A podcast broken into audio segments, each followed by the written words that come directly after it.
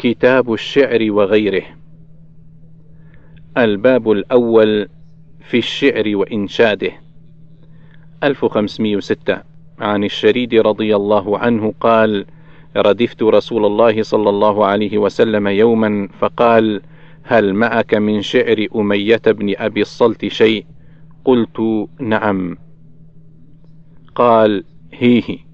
فأنشدته بيتا فقال هيه. ثم أنشدته بيتا فقال هيه حتى أنشدته مئة بيت. الباب الثاني أصدق كلمة قالها الشاعر. 1507 عن أبي هريرة رضي الله عنه قال قال رسول الله صلى الله عليه وسلم أصدق كلمة قالها شاعر كلمة لبيد. ألا كل شيء ما خلا الله باطل. وكاد أمية بن أبي الصلت أن يسلم.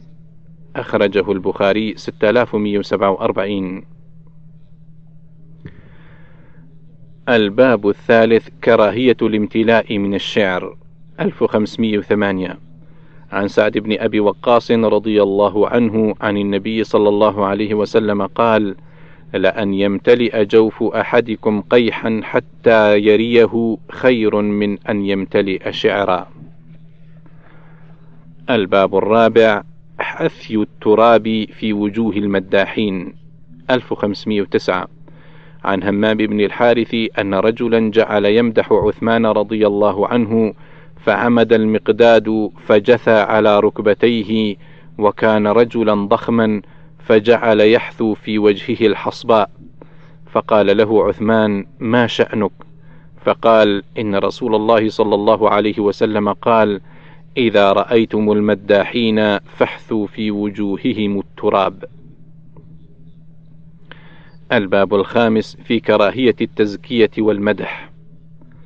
1510 عن أبي بكرة رضي الله عنه عن النبي صلى الله عليه وسلم أنه ذكر عنده رجل فقال رجل يا رسول الله ما من رجل بعد رسول الله صلى الله عليه وسلم أفضل منه في كذا وكذا.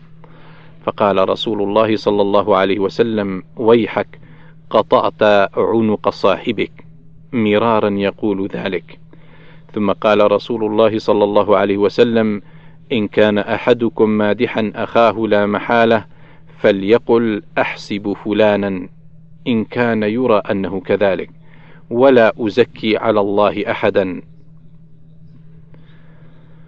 أخرجه البخاري 2662 الباب السادس اللعب بالنردشير. 1511 عن بريدة رضي الله عنه أن النبي صلى الله عليه وسلم قال: من لعب بالنردشير فكأنما صبغ يده في لحم خنزير ودمه.